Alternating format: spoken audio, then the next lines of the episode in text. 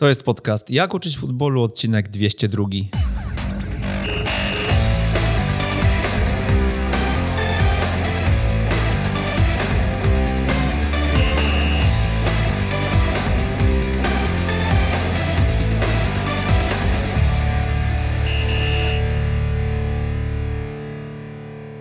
Jak uczyć futbolu 202 przy mikrofonie. Przemysław Mamczak, witam serdecznie. Ten trener, z którym e, dzisiaj się spotykamy, to prawdziwy konstruktor, bo skonstruował niezliczoną ilość e, wartościowych gier treningowych. Znacie go z naszego cyklu Środek Tygodnia, znacie go z e-booków, które wspólnie wydaliśmy dla żaków, orlików i dla młodzików. Możecie też go znać jako rozwojowego trenera. Paweł Kwiatkowski jest z nami. Dzień dobry, witam wszystkich. Trochę się tego zebrało. Tak, powiedz yy, z tymi grami treningowymi, bo od tego e, zacząłem, e, jeżeli chodzi o, o, ich budowanie. Od kiedy konstruujesz środki treningowe, tak jakbyśmy mieli poszukać jakiegoś e, momentu zero? Myślę, że od samego początku to gdzieś stało się moim konikiem w pracy. W tym czuję się w ogóle najmocniejszy, czyli nie w tym, jak przebywam na boisku, tylko w tym, kiedy siedzę przed laptopem, kiedy mogę zrobić sobie taką swoją burzę mózgów i sprawdzić, jak to mm, w mojej głowie będzie wyglądało. Dużo mi to czasu zajmuje. Tutaj często trenerzy podchodzą do konstruowania środków treningowych tak, żeby to zrobione było jak najszybciej, albo zbudować sobie gotową bazę, korzystać z niej.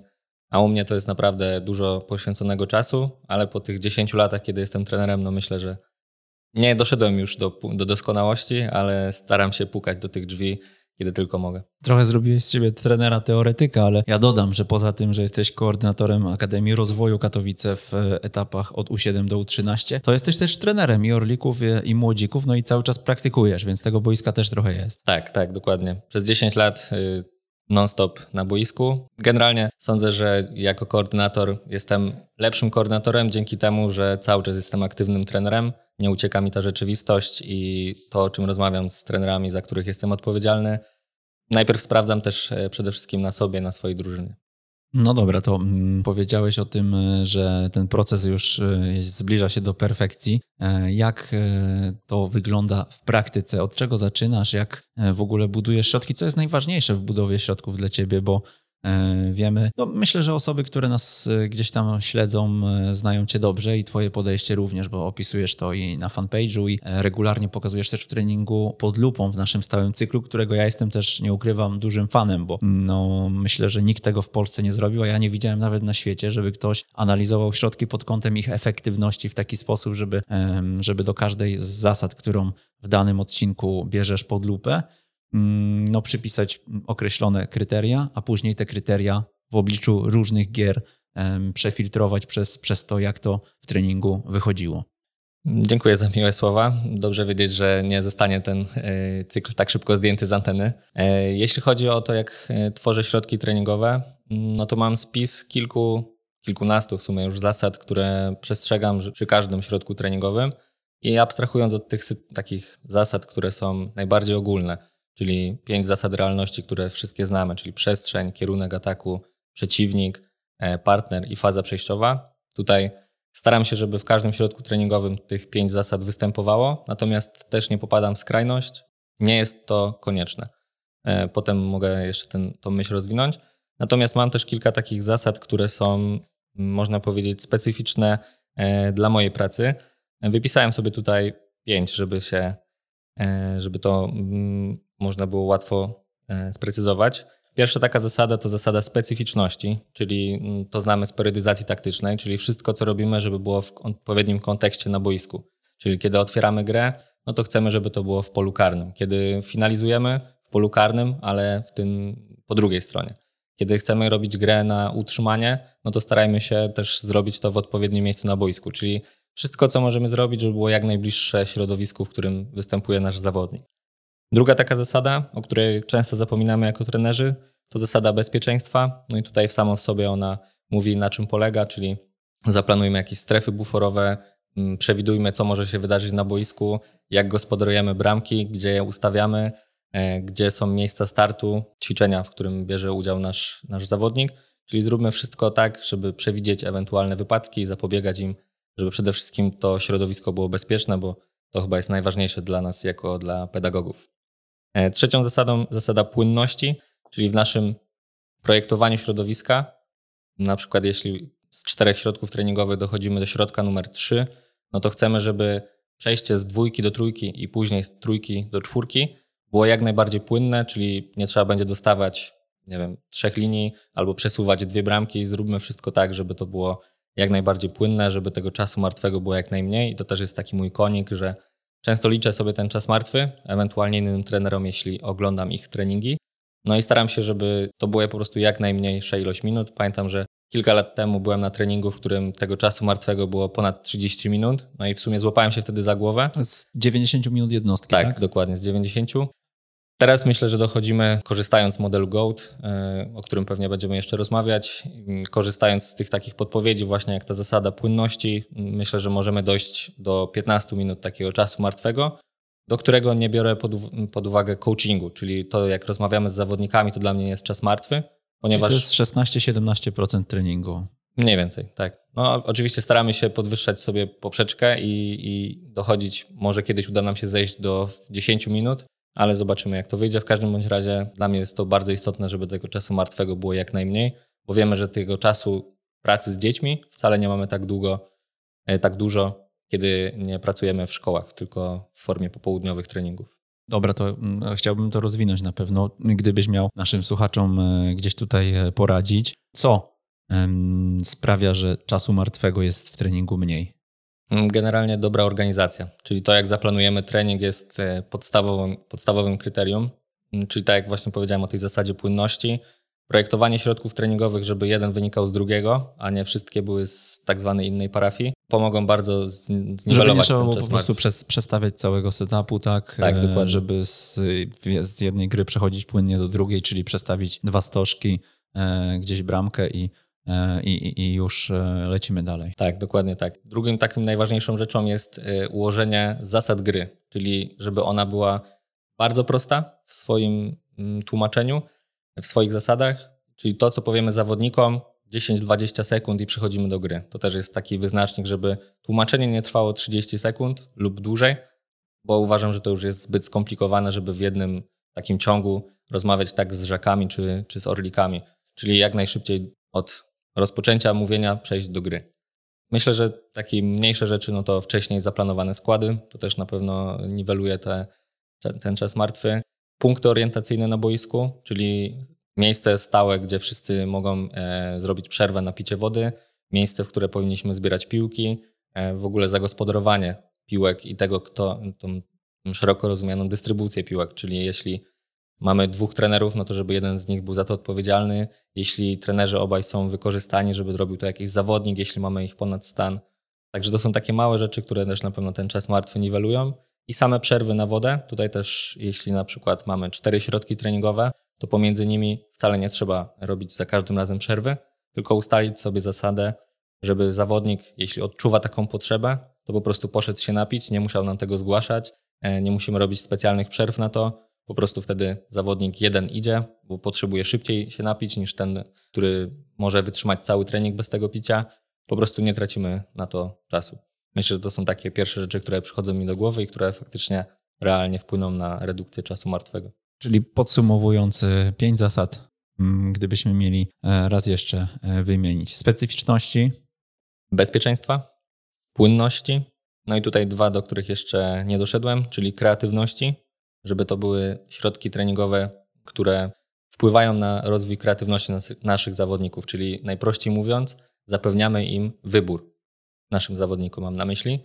Mogą e, realizować do, działania, które doprowadzą go do celu, który założyliśmy na swój własny sposób, żeby to nie była tylko jedna droga, tylko zapewnić kilka dróg, tak otwarte środowisko, żeby nasz zawodnik sam dochodził do tego, co jest najlepszym rozwiązaniem dla niego. E, no i ostatnia, mm, ostatnia zasada to jest zasada intensywności. Tutaj myślę, że nie trzeba jej rozwijać. My jako trenerzy powinniśmy zrobić wszystko, żeby każda jednostka była wymagająca, żeby nasi trenerzy wychodzili, e, nasi, nasi zawodnicy wychodzili e, zmęczeni, ale też zadowoleni. No tutaj to koreluje mocno z czasem martwym.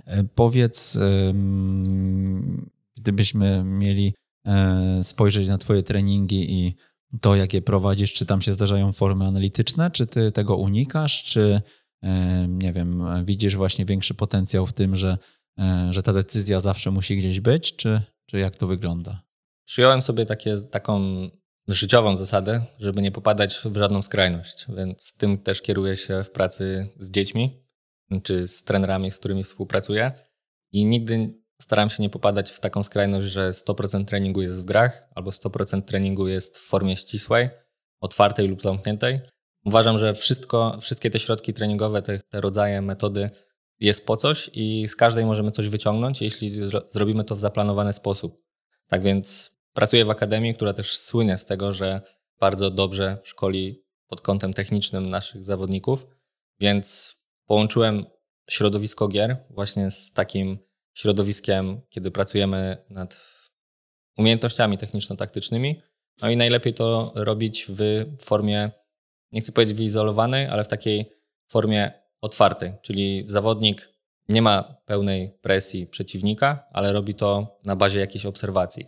I wtedy możemy my jako trenerzy podejść do zawodnika, dać jakąś korektę, wcale nie będziemy musieli zatrzymywać środka treningowego, który cały czas może płynąć, a my będziemy pracować z konkretnym zawodnikiem e, i dawać mu wskazówki. I tutaj też staram się nie dawać takich wskazówek, które nakierowują go na jakieś jedno wykonanie, czyli na przykład którą częścią stopy powinien uderzyć. Raczej staram się prowadzić ten dialog na zasadzie spróbuj tego, bo może to poprawi twoją skuteczność. Jeśli nie, no to pokaż mi, jak twoim zdaniem to najlepiej wychodzi i dzięki temu ten zawodnik może poczuć, że ma wpływ na to, jak się rozwija. A kiedy jest miejsce na takie elementy treningu? E, w naszym nowym projekcie, którym jest udoskonalenie modelu GOAT, postawiliśmy na to, że praktycznie w każdym momencie treningu możemy nad tym popracować, za wyjątkiem tej, tej faktycznie końcówki treningu, kiedy chcemy, żeby to była gra. Czyli możemy to zrobić w formie podzielenia drużyny na dwie lub trzy grupy i jedna z tych grup lub dwie mają formę rywalizacji w grze, a ta trzecia, ta, której jakby nie angażujemy w, w grze, ma wtedy formę właśnie takiej pracy nad techniką i co określony czas wymieniamy te grupy, co pomaga nam też zindywidualizować pracę, bo jeśli mamy w grupie 18 zawodników, dzielimy ich na trzy grupy, no to technicznie pracujemy tylko z szóstką, więc faktycznie jest realny wpływ na każdego z zawodnika, bo powiedzmy w 10 minut sześciu zawodników do każdego podejdziemy, coś pokażemy, porozmawiamy z nim, nawiążemy jakiś kontakt, więc to też wpływa na taką indywidualizację pracy. Wymieniłeś pięć zasad realności. Starasz się, żeby one występowały w większości gier, ale wiemy też z Twoich e-booków, że nie zawsze wszystkie zasady występują. Kiedy nie występują i dlaczego? Najprościej wziąć pod lupę gry jeden na jeden. Tam mm, siłą rzeczy z samej nazwy wynika, że może nie występować partner. Natomiast w e-bookach starałem się też właśnie umieścić takie środki treningowe, kiedy gry 1 na 1 możemy ubrać w, w grę na przykład 2 na 1, czyli dać dodatkowe zasady, w których ten partner będzie występował, a zawodnik z piłką niekoniecznie będzie z niego korzystał, czyli zapewnimy mu to, co ma na boisku, czyli wybór. Czy wchodzić w dribbling, czy wykorzystać współpracę z partnerem. Więc to jest pierwsza, pierwszy moment, w którym nie występuje wszystkich pięć zasad realności, aczkolwiek dążę do tego, żeby było tego, jak, żeby to się zdarzało jak najrzadziej. No a drugim takim momentem myślę, że są gry, które nazywamy gry na utrzymanie piłki, na posiadanie piłki. E, tam nie zawsze występuje kierunek, ale tutaj też staram się korzystać z gier, czy tak je udoskonalać, mm, na przykład grę na utrzymanie, którą chyba wszyscy znamy, tak zwane rondo 4 na 2 żeby to zrobić w formie gry z kierunkiem. Mm, na pewno będziemy chcieli przejść do modelu GOAT, e, Twojego autorskiego modelu, ale to, to za chwilę, bo mm, zanim do tego przejdziemy, może pogadajmy chwilę o, e, o celach tworzenia takiego środowiska. Jak stworzyć optymalne środowisko treningu? Mm, myślę, że to jest ciężkie pytanie, bo najpierw trzeba wziąć pod uwagę, w jakim środowisku pracujemy, z jaką e, grupą, czy jest to grassroots, czy jest to grupa zaawansowana.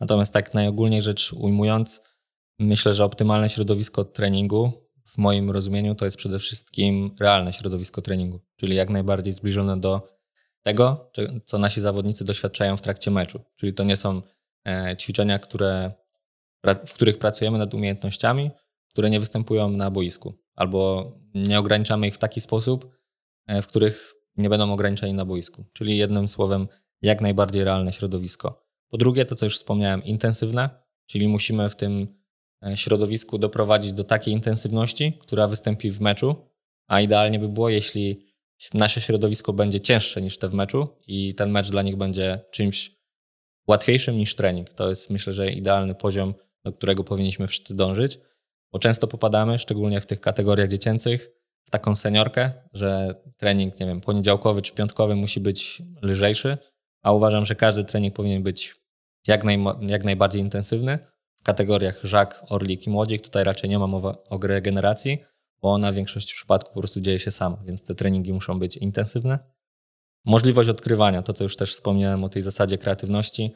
Staram się zawsze dać zawodnikom autonomię, czyli ja robię krok wstecz, wstecz zawodnik e, może wtedy wyrażać siebie na tym boisku i ewentualnie ja mogę mu zaproponować możliwość pomocy i też staram się nie wychodzić do niego i powiedzieć hola hola, stop, czemu nie spróbowałeś tego zrobić w ten sposób, tylko zawsze zadaję pytanie, dlaczego coś zrobiłeś, mm, co dostrzegłeś, to jest też pytanie, którego, które bardzo lubię.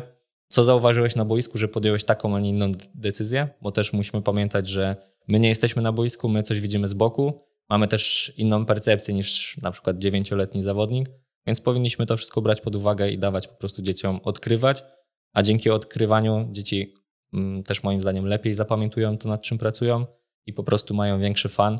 A jeśli coś jest dla nas przyjemne, to tym bardziej to zapamiętujemy, więc myślę, że to jest e, ważna rada dla trenerów, którzy też zaczynają. Dlaczego warto zadawać pytanie, co dostrzegłeś e, dziecku, bo przecież my trenerzy wiemy lepiej niż to dziecko. Oczywiście, ale jeśli chcemy nauczyć e, dzieci czegoś, no to przede wszystkim najpierw musimy je zrozumieć. Więc jeśli chcemy, żeby naszy, nasz zawodnik osiągnął to, co my chcemy zrobić, to musimy dostosować poziom trudności środowiska do jego realiów. Poza tym mamy na przykład 16 dzieci, każdy jest inny, każdy uczy się w innym tempie. Jedni są egocentryczni, czyli będą widzieli głównie to, co się dzieje wokół nich, czyli piłkę, swojego najbliższego przeciwnika i może najbliższego partnera.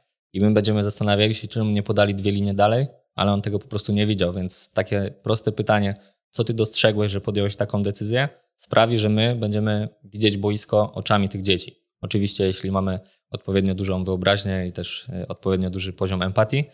Natomiast wydaje mi się, że też przebywanie na boisku, czyli nie stanie tylko z linii bocznej, a przebywanie właśnie w środku gry, jako powiedzmy taki sędzia, który chodzi obok piłki, e, to nam też pozwala dostrzegać to właśnie, co mogą zobaczyć dzieci. Czyli jest inna perspektywa pod presją czasu przeciwnika na środku boiska, a inna perspektywa jest z boku, a jeszcze inna perspektywa będzie pewnie z lotu ptaka, kiedy będziemy latać dronem, więc myślę, że to jest e, ważna rzecz, żeby tym dzieciom zaufać, i kierować ten proces edukacji ich oczami, a nie naszymi. Powiedziałeś na początku swojej wypowiedzi o dostosowaniu się do środowiska, w którym pracujemy, czyli ocenie, czy ta grupa jest początkująca, czy zaawansowana. E, no właśnie, jakie są w takim razie różnice Twoim zdaniem i na co trzeba szczególnie zwrócić uwagę w zależności od tego, czy ktoś pracuje na poziomie grassroots, czy ktoś pracuje w akademii, nie wiem, powiedzmy rozwoju Katowice, tak? E, a może ktoś pracuje w Akademii Legii i wtedy jest jeszcze na wyższym poziomie. Myślę, że przede wszystkim największa różnica będzie w złożoności treści, które będziemy chcieli w cudzysłowie sprzedać tym naszym dzieciom, czyli tym zawodnikom, którzy są bardziej zaawansowani technicznie, może motorycznie, będziemy mogli wymagać od nich więcej pod kątem intensywności zajęć, będziemy mogli wymagać pod, więcej pod kątem percepcji, bo jeśli ta piłka im nie przeszkadza, to nie będą musieli poświęcać jej tak wiele uwagi. Więc to, na co będą zwracali uwagę, dzieje się dookoła nich albo jeszcze dalej w kolejnych strefach percepcji. Więc to myślę, że jest największa różnica. A poza tym staram się na bieżąco pracować właśnie z takimi grupami, żeby też sudówka mi nie odbiła w pewnym momencie, że pracuję tylko z grupami pro, a nie chcę schodzić do tych grassroots. Więc w naszej akademii często prowadzę treningi z grupą B w poszczególnych rocznikach. No i tutaj treści praktycznie sprzedajemy im te same. Może czasami E, jakaś zubożona złożoność tej gry występuje. Natomiast tutaj więcej poświęcamy czasu na pewno na rozwój właśnie motoryki, więcej czasu na rozwój umiejętności technicznych, no bo to jest dla nich jakby bardziej potrzebne niż, niż rozumienie gry, które możemy rozwijać u bardziej zaawansowanych dzieci, no bo one już mają pewne talenty, zdolności, które wypracowały same albo które po prostu mają zapisane w genach. Czyli to mówisz, y, odbywa się już na poziomie coachingu, zarządzania tą grą? Mhm. Tak, środowisko w większości przypadków jest takie same. Tutaj przykład prosty. Wczoraj miałem trening z 2014 rocznikiem.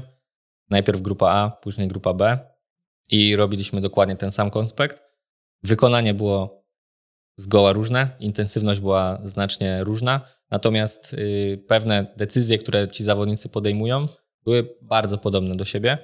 To był oczywiście mm, prosty trening, gdzie opieraliśmy to na grach jeden na jeden, więc te treści nie musiały się różnić w jakiś znaczący sposób. Natomiast to, mm, co widzę przede wszystkim, to w grupie B więcej podstaw, więcej właśnie takich e, zwykłych rzeczy, jak pozycja w obronie, a na przykład w grupie A zrobiliśmy już ukierunkowanie, czyli odbiór w poszczególnych strefach na boisku, w zależności od tego, gdzie jest piłka. Więc no po prostu takie zarządzanie punktami coachingowymi to jest chyba największa różnica, którą dostrzegam w pracy między tymi dwoma podmiotami. Czym jest rozumienie gry dla ciebie? Powiedziałeś o tym, że ono może być na różnym poziomie u dzieci.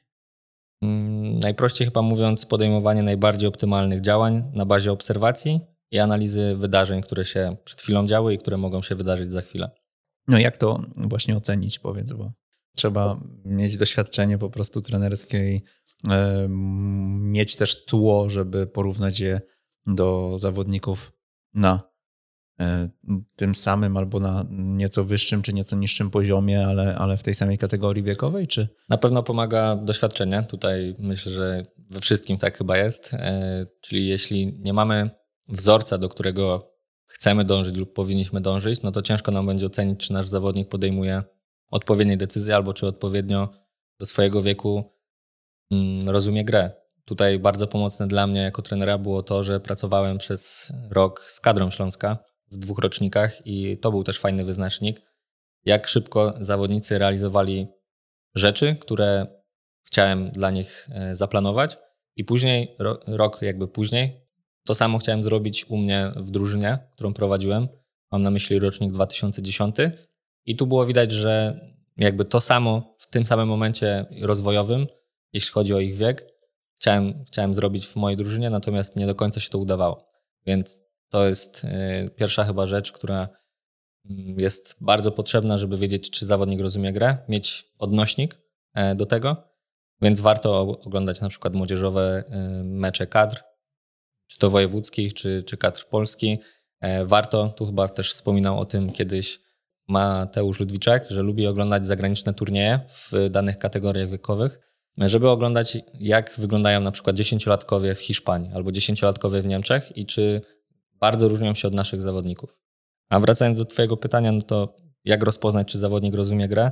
Dla mnie naj, takim największym wyznacznikiem jest to, czy on ma spokój w jego działaniach. Bardzo często jest, że ci zawodnicy, którzy tej gry nie do końca rozumieją, to poświęcają, poświęcają mm, swoją energię na to, żeby robić jakieś dodatkowe ruchy. A zawodnik, który rozumie grę, ma taki wewnętrzny spokój, jego działania są raczej przemyślane. I to jest pierwsza rzecz, na którą zwracam uwagę w takiej analizie gry danego zawodnika. E, drugim takim aspektem jest obserwacja wydarzeń e, boiskowych. Czy zawodnik skupia się tylko i wyłącznie na piłce, czy obserwuję przestrzeń dookoła siebie. I tutaj przykład znowu z mojej drużyny, którą aktualnie prowadzę, 2014 rocznik. Są zawodnicy, którzy są skupieni tylko na piłce w obronie, a są zawodnicy, którzy przerastają rozumieniem gry tą kategorię wiekową i rozglądają się dookoła siebie, a nawet rozglądają się e, za tym, co dzieje się za ich plecami. I dzięki temu wiem, że oni dużo lepiej rozumieją grę, bo po prostu też weszli na kolejny etap jakby rozwoju takiego psychofizycznego. No i myślę, że mm, też łatwo rozpoznać, czy dziecko rozumie grę. Jeśli zadamy pytanie, a on na nie odpowie, ewentualnie on wejdzie z nami w dyskusję, powie właśnie, odpowie na pytanie, co widziałeś i jego złożoność odpowiedzi będzie znacznie większa niż ci, którzy tej gry nie rozumieją albo są po prostu na niższym poziomie w tym aspekcie. No, myślisz, takie... że ten e, poziom rozumienia gry jesteśmy w stanie u każdego e, podnosić właśnie poprzez treningi, czy e, są pewne ograniczenia? Myślę, że długofalowo u każdego podniesiemy poziom rozumienia gry, jeśli odpowiednio dotrzemy do tego zawodnika, bo każdy no, potrzebuje innych bodźców. Jedni będą naprawdę inteligentnymi zawodnikami, czyli ich naturalne możliwości, jeśli chodzi o ich inteligencję, są na wysokim poziomie i oni będą wszystko chłonąć jak gąbki, a będą zawodnicy, którzy będą mieli ciężko się skoncentrować w wieku na przykład 8-9 lat, potrzebują troszkę innych bodźców i będą potrzebowali tego samego e, co ich koledzy, ale na przykład za 2-3 lata. Więc myślę, że długofalowo u każdego możemy poprawić rozumienie gry, ale trzeba cierpliwość. Powiedziałeś o Mateuszu Ludwiczaku, o, o podcaście właśnie z nim i pamiętam, że we wstępie do e-booków pisałeś też, że ta rozmowa mocno zmieniła twoje postrzeganie treningu, procesu treningowego? Chyba tak. Tak, jak najbardziej. Tutaj Mateusz i jego podcast, który nagrał z wami, już nie pamiętam, który to był odcinek, ale jeden z tych y, pierwszych. No, 29. No. 29, dokładnie. Dawno, dawno temu. Yy, dokładnie było o dorastaniu w grze. Ja byłem wtedy w momencie, w którym przechodziłem z kategorii Żaka do Orlika i chciałem poszukać jakichś możliwości, żeby moi zawodnicy mieli taką mapę podjęcia decyzji, co zrobić w danej sytuacji na boisku. Moje kompetencje nie były na tyle wysokie wtedy, yy, jeszcze byłem wtedy na studiach, żeby włożyć im taką mapę samoistnie i szukałem, szukałem takiego czegoś, co mnie na to naprowadzi. No i szczęśliwie się stało, że trafiłem na ten podcast, o którym właśnie mówimy, na ten odcinek i dzięki temu zakupiłem książkę Dorastania w grze, no i to otworzyło mi trochę oczy na szkolenie dzieci i młodzieży. E, zainteresowałem się wtedy tematem periodyzacji i już wcześniej pracowałem w środowisku opartym na grach, natomiast te gry teraz miały kontekst fundamentów, czyli 10 zasad, które starałem się, na których bazie starałem się tworzyć środowisko i dzięki nim moi zawodnicy do dziś tak pracują. Wtedy mówiłem o roczniku 2010, dzisiaj jest 2014. W tym aspekcie się nic nie zmieniło, zostało to ze mną do dzisiaj. Niedawno też miałem okazję porozmawiać z Mateuszem przy okazji mojego stażu w Legii Warszawa. Oglądam ukierunkowany coaching, który tutaj e, prowadzicie, więc na pewno Mateusz jako osoba jest dla mnie kimś, kto mm, po prostu pomógł mi uporządkować moją pracę z dziećmi. A powiedz a propos tych 10 fundamentów, dlaczego e, rozbiłeś je na 12, nawet 13 można powiedzieć, bo e, wiem, że gdzieś tam w e, tych tabelkach, które przygotowywaliśmy pod poszczególne gry, mm, były, były właśnie one troszkę rozłożone.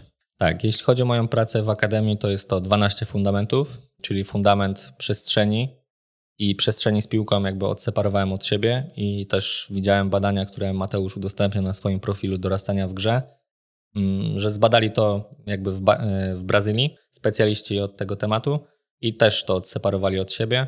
No tutaj myślę, że wynika to z tego, że to są bardzo różne działania, czyli przestrzeń z piłką mm, na zasadzie uzupełnienia fundamentu postępu, czyli wprowadzenie w poprzek lub w tył boiska w celu znalezienia czasu dla naszych partnerów, żeby się przeorganizowali, jest zgoła innym fundamentem, zgoła innym działaniem niż działanie fundamentu przestrzeni, gdzie pozycjonujemy się poza centrum gry i szukamy sobie wolnej przestrzeni. Czyli no tutaj mamy piłkę, tu nie mamy, więc ciężko to nazywać tym samym fundamentem. No i w, w obronie jest tak samo z fundamentem równowagi. Jest równowaga zawodników, którzy są poniżej linii piłki i powyżej linii piłki. Też dla mnie to były na tyle różne działania, że no, postanowiłem to odseparować od siebie przy okazji tworzenia środowiska gry. Jeśli chodzi o to, co powiedziałeś o e-booku, no to tutaj e-book był pisany na rzecz y, polskich trenerów, czyli mówimy tam o zasadach, a nie o fundamentach. No i tutaj zasada, którą y, mamy y, dzięki programowi szkolenia, czyli wysokość i głębokość gry, no to tam inaczej chyba, głębia i szerokość gry, tak? Mhm. Y, już ty, tyle tych nas zasad jest, że się trochę czasami gubię. One zostały rozbite też e, pod kątem akcentów do danych gier, prawda? Tak, i tam, tam mówimy o, o faktycznie głębokości, o wysokości i o szerokości, więc to mm, starałem się rozbić, no bo to jest znowu trzy różne jakby zachowania naszych zawodników, mhm. więc też ciężko pod kątem tworzenia środowiska mówić o, o, o nich w kontekście jednej zasady. Tak, wtedy byśmy gdzieś tam e, wrzucili wszystko do jednego worka, a akcent, e, akcent jest e, różny. A powiedz jeszcze a propos tego, co mm, tutaj często padało i na kongresie, na drugim kongresie wiedzy o szkoleniu piłkarskim, o tym dużo mówiliśmy. Czy Twoim zdaniem właśnie podejście Mateusza do tego, żeby nauczać wszystkich fundamentów równolegle w jednym treningu i zwracać na wszystkie uwagę, jest gorsze niż e, wybranie jednej zasady i na niej się skupić e, przez dany tydzień? Czy, e, czy jest lepsze, ale tylko dla określonego środowiska? Czy jak do tego podchodzisz? Nie podejmę się decyzji, czy jest to lepsze, czy gorsze na pewno. Mm, nie wiem, czy mnie podpuszczasz, czy nie teraz do takiej dyskusji, do kontrowersyjnych zdań. Natomiast mm, no, ja jestem zwolennikiem tego, żeby jednak uwypuklić jeden z, jeden z fundamentów lub jedną z zasad i na niej oprzeć środowisko treningowe.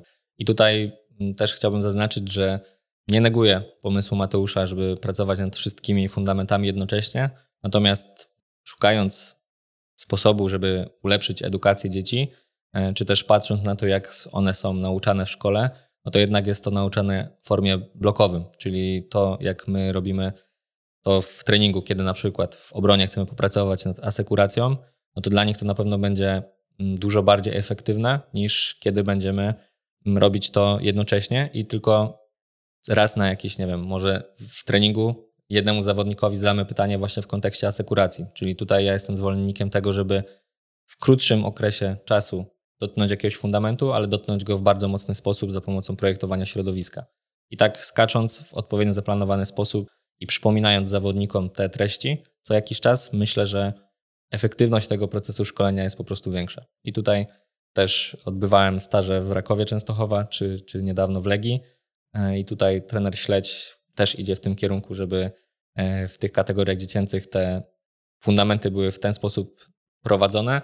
No i ja tak samo postąpiłem w naszej akademii i po prostu widzę na, na swoje oczy, jak szybko zawodnicy potrafią się rozwijać w tym aspekcie, więc ja jestem zwolennikiem tego, żeby nie robić tego równolegle, natomiast y, też nie jestem zwolennikiem tego, żeby iść w skrajność i zrobić sztuczne środowisko, żeby tylko uwypuklić na przykład właśnie ten wspomniany fundament asekuracji. Tutaj jak najbardziej realne środowisko z jakąś jedną zasadą, z jedną punktacją, z jednym ograniczeniem, które sprawi, że ta asekuracja będzie występowała częściej niż w normalnej grze.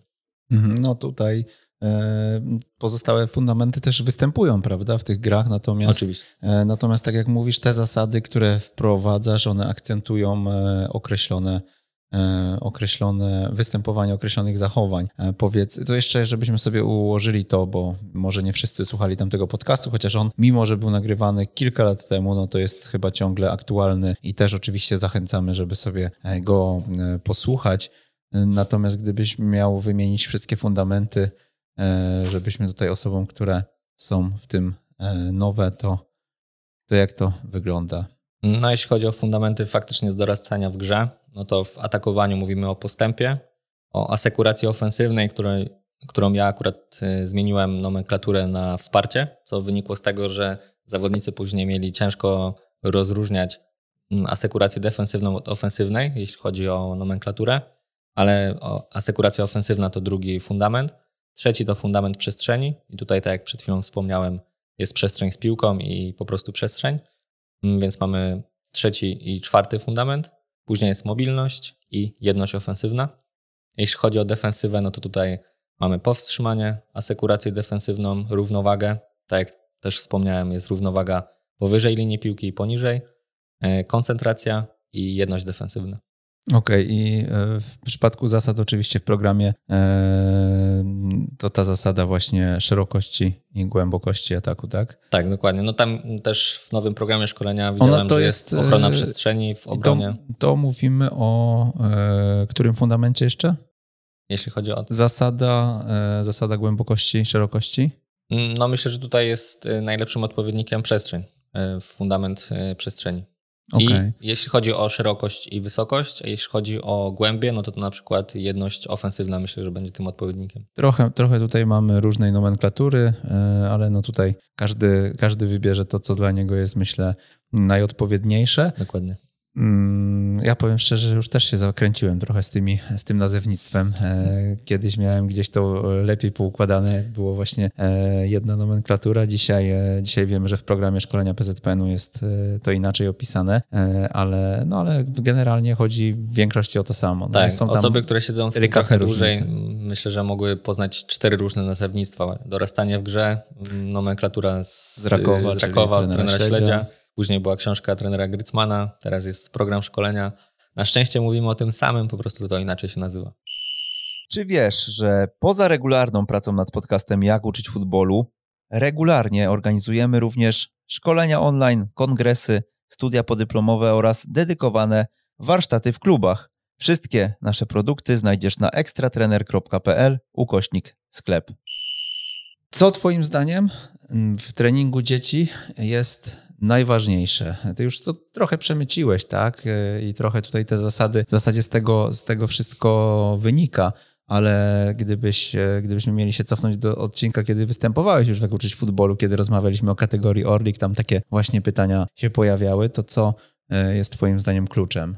Myślę, że trochę się rozwinąłem od tamtego czasu, e, natomiast dalej jestem w tej samej kategorii. Znowu prowadzę Orlika, więc trzy takie rzeczy, które bym wyróżnił po tych 10 już moich latach pracy, to przede wszystkim mieć plan na tę pracę. Czyli nie możemy zostawiać przypadkowi tego, e, jak podchodzimy do pracy z dziećmi, ponieważ one nam ufają, jesteśmy dla nich autorytetami, ufają nam ich rodzice, więc my powinniśmy mieć wszystko zaplanowane, żeby ten ich rozwój był jak najbardziej efektywny. Czyli możemy zrobić wszystko, ale żeby to było, miało ręce i nogi i żeby nie polegało to na tym, że przychodzimy na trening, wymyślamy, co właśnie robimy, albo nie bazujemy na tym, jak graliśmy w poprzednim meczu i niwelujemy to, co nie funkcjonowało. To też myślę, że nie jest sposób na pracę z dziećmi, więc przede wszystkim mieć plan.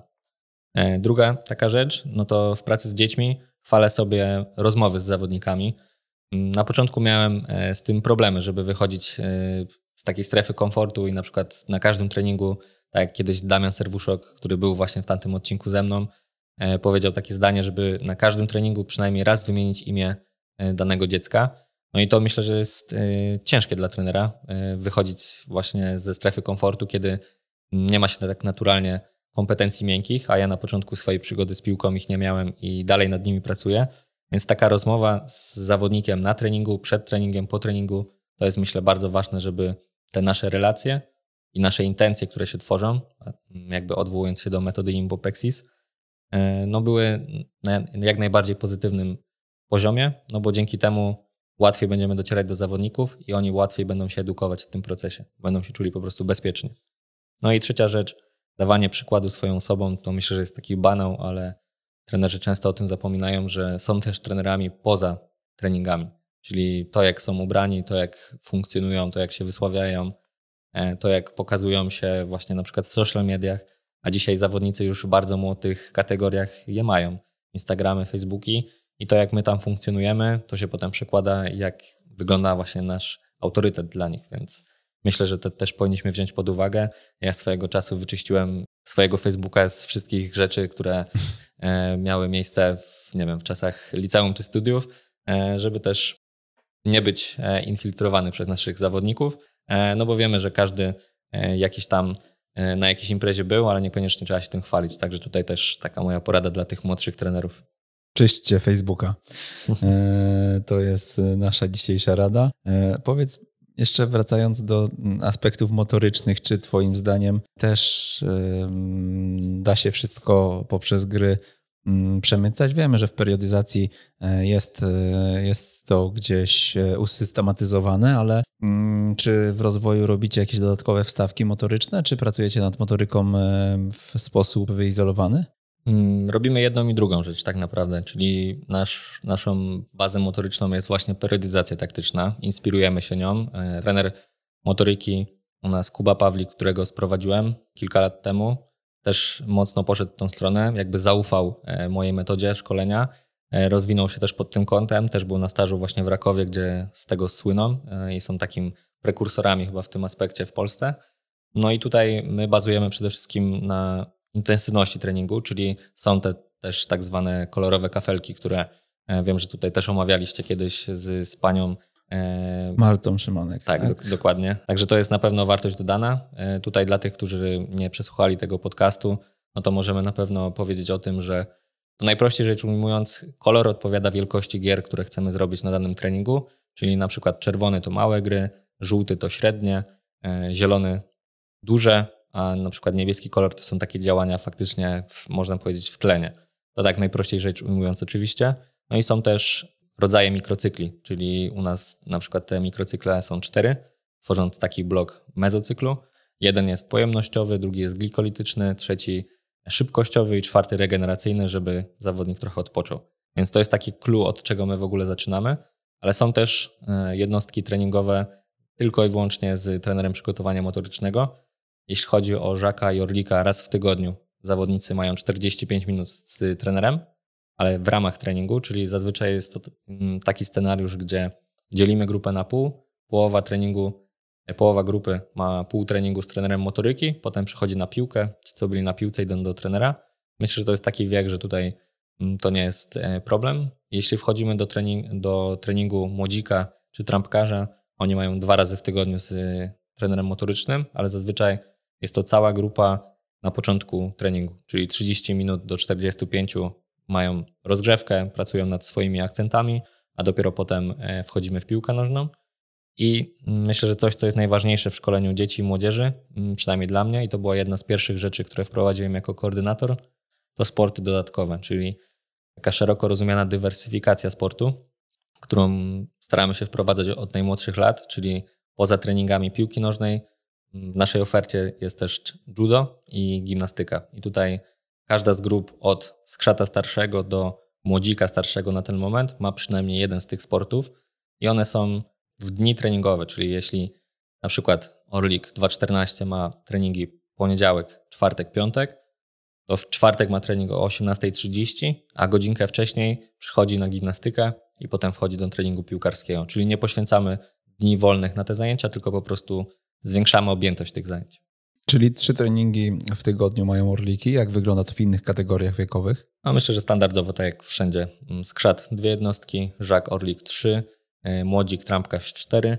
Natomiast mm, dochodzę do takiego momentu, mm, patrząc na to, jakie są realia dzisiejszych czasów, czy też naszych realia pod kątem infrastruktury, żeby w tym młodziku też zredukować liczbę treningów do trzech, natomiast znacznie zwiększyć ich objętość, żeby ci zawodnicy też mieli czas Y, dla siebie, na rozwój jakichś swoich hobby, po prostu czasami, żeby się ponudzić, dzięki czemu też pewnie rozwijałem kreatywność, bo już dochodzimy do tego momentu, w trybie popołudniowym oczywiście, w którym my pracujemy, gdzie mają cztery treningi w tygodniu, czasami zdarzy się w ten piąty dzień mecz, w weekend też jest mecz, więc praktycznie oni już nie mają popołudniów wolnych, no i tego y, byśmy nie chcieli i myślę, że to też znacząco wpływa na wypalenie się tych zawodników i odpływ od piłki nożnej, więc tutaj już rozglądam się za możliwością zredukowania tych treningów. To jeszcze mm, słówko o rozwoju, bo e, macie sporo wychowanków w ostatnich, e, w ostatnich kilkudziesięciu latach, chyba już trzeba powiedzieć, no bo znamy Arkadiusza Emilika chyba, który jest e, taką twarzą projektu Rozwój Katowice. To wiadomo, że były inne czasy, ale on też się tam wychował, ale gracie też na poziomie czwartej ligi wychowankami. Mm, jesteśmy w naszym regionie, czyli na Śląsku, taką akademią, która słynie ze szkolenia dzieci i młodzieży i to od wielu, wielu lat. Mm, tutaj wspomniany Arek Milik to jest mój rocznik 94, więc no jakby nie jestem wychowankiem rozwoju, bo nie jestem bezpośrednio piłkarzem. Natomiast yy, no, pamiętam czasy, kiedy graliśmy razem na podwórku, albo bardziej ja mogłem patrzeć, jak on gra, yy, jeśli mam być szczery. Yy, no i tutaj od samego początku co kilka roczników są tacy zawodnicy, którzy faktycznie docierają na ten poziom centralny, czyli to nie był taki wyjątek w postaci właśnie rocznika 9-4, który chyba był najlepszym w całej naszej historii, bo poza Arkiem e, w serii, w serii A już chyba e, gra też Przemek Szymiński. Konrad Nowak też grał swojego czasu w Górniku, w Opolu, a teraz chyba, o ile się nie mylę, w Puszczy Niepołomice jest. E, także to był no, z jednego rocznika trzech zawodników, z czego dwóch gra w lidze włoskiej, no to to jest coś, e, myślę, że ewenement na skalę Polski. Natomiast w późniejszym czasie też zawodnicy docierali na ten poziom centralny. No i tutaj myślę, że takie pierwsze przykłady, które mi przychodzą do głowy, to są ci najświeższy chłopcy z rocznika 2004. Mateusz Chmarek w Górniku Zabrze. Już jest w pierwszym, w pierwszej, w kadrze pierwszej drużyny. E, w Zagłębiu Sosnowiec Mm, Nikodem Zielonka i e, Jordan Majchrzak też teraz w Puszczy Niepołomice, a swego czasu pół roku w Romie. Także no to są te zawodnicy, którzy mm, do nas docierali, od nas wychodzili, mm, no i reprezentowali potem naprawdę fajny poziom. E, no i takim myślę najlepszym wyznacznikiem w swoim czasie jest Pro Junior System, czyli na poziomie czwartej ligi. My od trzech lat z rzędu go wygrywamy i to tak nie, że nieznacznie, tylko zdecydowanie i ostatnie pół roku średnia wieku na poziomie czwartej Ligi Śląskiej, która jest uznawana za jedną z najmocniejszych w całej Polsce, no to było 18,5 roku. Także nie jest łatwo na pewno utrzymać się w takiej lidze, grać takimi młody, tak młodymi zawodnikami, ale też był Pro Junior System w sezonach 17-18 i 18-19, kiedy rozwój Katowice, że tak powiem, był w takim swoim złotym e, momencie, gdzie graliśmy w pierwszej i drugiej lidze. No i tam ten Pro Junior System też był wygrywany, czyli to nie jest tak, że my dopiero zaczęliśmy w czwartej lidze, ale już wcześniej to robiliśmy i kilkunastu zawodników, naszych wychowanków zadebiutowało na poziomie pierwszej czy drugiej ligi, no ale wtedy też sztab szkoleniowy na pewno był bardzo mocny, no bo przecież asystentem pierwszego trenera był wtedy Dawid Szulczek. Adrian Siemieniec też się przewinął e, przez tą drużynę. Mm, Tomek Stranc, który jest trenerem od przygotowania motorycznego w Pieście Gliwice, także myślę, że to był złoty czas dla naszej akademii. Opowiedz jeszcze właśnie, jak patrzysz na historię, bo perspektywa mm, tych wychowanków z jednej strony Mm, dobrze działa pewnie marketingowo na e, Akademię Rozwoju, ale z drugiej strony myślę sobie o tym, że ty wywróciłeś trochę do góry nogami ten program szkolenia, tak? I dzisiaj e, na zupełnie innych zasadach funkcjonujecie tworząc te środki treningowe, tak jak powiedziałeś, e, powiedziałeś o tym, co jest dla ciebie najważniejsze w ich konstruowaniu. E, no i no, Arkadiusz Milik na tym nie trenował, a jest dzisiaj w Juventusie e, i pewnie mm, znaki zapytania wśród wielu trenerów, szczególnie tych, którzy doświadczali pewnie tam tego. Nie wiem, jak, jak wygląda struktura kadry waszej, nie? Ale, ale myślę sobie, że też e, gdzieś się pojawiają i myślą sobie, no co ten młody tutaj teraz wymyśla z tymi fundamentami, jak przecież e, to my e, zrobiliśmy robotę. Pewnie, pewnie tak jest, albo, albo było. E, na pewno dla nas pod kątem marketingowym to, ilu wychowanków wypuściliśmy w świat, jest e, dużym plusem. Natomiast wydaje mi się, że w pewnym momencie się to trochę zatrzymało, ponieważ po spadku z drugiej do trzeciej ligi na rok rozwiązaliśmy pierwszą drużynę. Musieliśmy się wyprowadzić ze swoich boisk i to też wpłynęło bardzo mocno marketingowo na, na ten etap. Przez trzy lata można powiedzieć, że byliśmy bezdomni, więc e, korzystaliśmy z boisk mosirowskich. To na pewno mocno wpłynęło na nasz wizerunek, e, jeśli chodzi o szkolenie, ale teraz od dwóch lat jesteśmy w nowym domu. Po liczbie dzieci, które do nas się zapisują, myślimy, że poszliśmy w dobrym kierunku, jesteśmy w odpowiednim miejscu. E, na ziemi, że tak powiem. E, więc na pewno to nam pomaga cały czas, ale dla mnie, tak jak wspominałeś, jest to duże wyzwanie, ponieważ trenerzy, o których mowa, którzy wychowali tamtych zawodników, których wspomniałem, no to oni dalej są w naszej akademii. Trener Mogilan, który jest dzisiaj naszym prezesem, ale który ciągle nie schodzi z boiska i w tym momencie oddałem rocznik 2010 właśnie między innymi pod jego skrzydła no i tutaj y, nastąpił właśnie taki pierwszy moment, w którym y, nastąpiła taka weryfikacja. Weryfikacja. I tutaj doszliśmy do momentu, w którym właśnie zwrócili nam trenerzy uwagę na to, że troszkę mm, za bardzo poszliśmy w gry, y, rozumienie i wszystko, co związane z taktyką, a to, co zawsze było clue naszego, naszej akademii, czyli właśnie to wyszkolenie taktyczne, zostało może nie zaniedbane, ale nie dostatecznie. Wy, taktyczne wyszkolenie? Techniczne. Techniczne, Te, okay. Techniczne było jakby naszym wyznacznikiem, mm -hmm. że nasi zawodnicy byli fantastycznie wyszkoleni. E, no i tutaj faktycznie trenerzy na to kładli mocny nacisk, a ci zawodnicy, którzy wyszli, że tak powiem, pod moich skrzydeł, mm, nie chcę powiedzieć, że mieli braki, natomiast y, widać było, że nie mają pewnych rzeczy, które e, trener, trenerskim okiem trenera Mogilana czy trenera Bosowskiego powinien ten zawodnik mieć w określonym wieku. No i tutaj y, nastąpiła też zmiana modelu GOAT, Czyli troszkę musieliśmy go zmodyfikować, ja musiałem go zmodyfikować, żeby spełnić też oczekiwania, no bo to mm, też nie może polegać tak, że my pracujemy w ten sposób, potem zawodnik przychodzi do innych trenerów i pracuje w zupełnie inny sposób, więc musieliśmy usiąść, porozmawiać, jak to powinno wyglądać.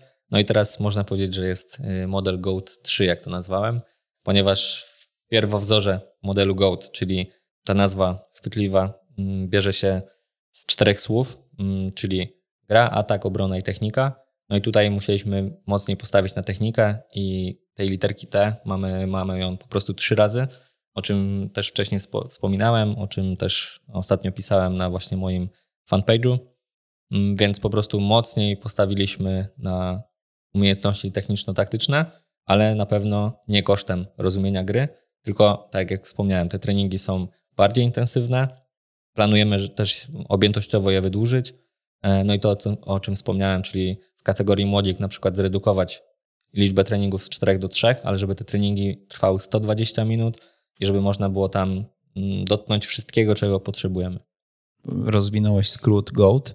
E, na czym ten model polega? Ty już opowiadałeś o tym też na mm, jednym z naszych live'ów i na pewno go podlinkujemy w tym odcinku, żeby można było sobie to obejrzeć razem z prezentacją, z, wycinkami wideo, e, ale gdybyś miał w takim skrócie mm, właśnie o Go to powiedzieć, to co to jest?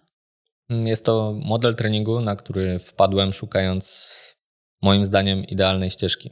Kiedyś pracowało się w ten sposób, lub niektórzy dalej pracują, mm, że wybrali poszczególną fazę, która była ich fazą główną. Dajmy na to atakowanie i powiedzmy, spotkałem się z dwoma szkołami. Mm, przy czterech jednostkach treningowych jedni pracowali przez tydzień tylko i wyłącznie na atakowaniu.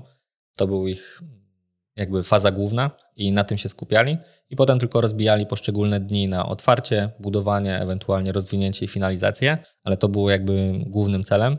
Później przechodzili na przykład do obrony i tam pracowali nad obroną niską, wysoką i tak dalej, i tak dalej. Później program szkolenia mm, z PZPN-u, ten pierwszy, który wyszedł, e, też proponował, żeby były osobne mikrocykle dotyczące faz przejściowych. Mm, wybrałem się do Krakowa Częstochowa na staż i tam trenerzy pracowali w trochę inny sposób, na dwóch, a czasami nawet chcieli pracować na czterech fazach w, w danym treningu. I dla mnie to była taka lampka, która mi się zapaliła, że to jest chyba odpowiednia droga, ponieważ dzieci powinny się uczyć w ten sposób, o którym już wcześniej wspomniałem, na zasadzie bloków.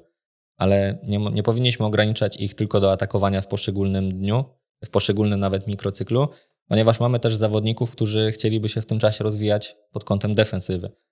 I analizując to wszystko, ułożyłem taki model, w którym mamy wszystkie cztery fazy na każdym jednym treningu, czyli mamy jedną grę dotyczącą atakowania, gdzie oczywiście jest też faza przejściowa, czyli moment, w którym tracimy piłkę, przechodzimy do obrony. Mm, druga gra jest na przykład związana z obroną, gdzie też jest faza przejściowa, gdzie odbieramy piłkę i musimy przejść do atakowania. Więc mamy już cztery fazy. No i później zostaje to, co robimy technicznie, czyli to jest ta literka T w Gocie i literka G, czyli gra. Mm, gra końcowa, na której chciałbym podsumować wszystko, co robiliśmy na danym treningu, na tym skupić swój coaching, ale w takim realnym środowisku, w których nie ma żadnych ograniczeń, przestrzeń nie jest w żaden sposób e, zaburzona, jeśli jest taka możliwość i dostosowana oczywiście do tych aspektów motorycznych, o których też wspominałem. Także to jest e, gdzieś tam model GOAT, czyli każdy trening wygląda praktycznie tak samo, e, natomiast poruszamy się w obrębie dwóch mikrocykli, tak? Czyli w jednym w atakowaniu mamy otwarcie gry z budowaniem i faza przejściowa, a w kontrze jest obrona wysoka, no bo to są praktycznie te same przestrzenie. Drugi mikrocykl jest związany z tym, że chcemy budować i finalizować na połowie przeciwnika, e, a w obronie bronimy się nisko. Ale ograniczenia rozumiem, że są e, z jednej strony e, ustalane pod to, żeby trenować atakowanie, z drugiej bronienie, tak? Tak, tak. No, jeśli chodzi o jakieś dodatkowe zasady w kontekście gier, no to skupiamy się na fazie, która jest, że tak powiem, naszą główną. Czyli jeśli w pierwszej grze chcielibyśmy otwierać grę, no to na tym się skupiamy. Nie, nie coachujemy w ogóle, albo prawie w ogóle obrony wysokiej. Do tego dopiero przechodzimy w drugiej grze. Mhm. No i tutaj też zauważyliśmy taką zależność, że jeśli w pierwszej grze jest otwarcie, a w drugiej jest obrona wysoka, to w tej drugiej ci zawodnicy, którzy otwierają, są na dużo wyższym poziomie, bo już to przepracowali, jakieś tam nasze wskazówki biorą pod uwagę. Więc ci, którzy bronią wysoko, no muszą się wspiąć na wyżyny swoich możliwości i po prostu ta jakość i intensywność treningu rośnie.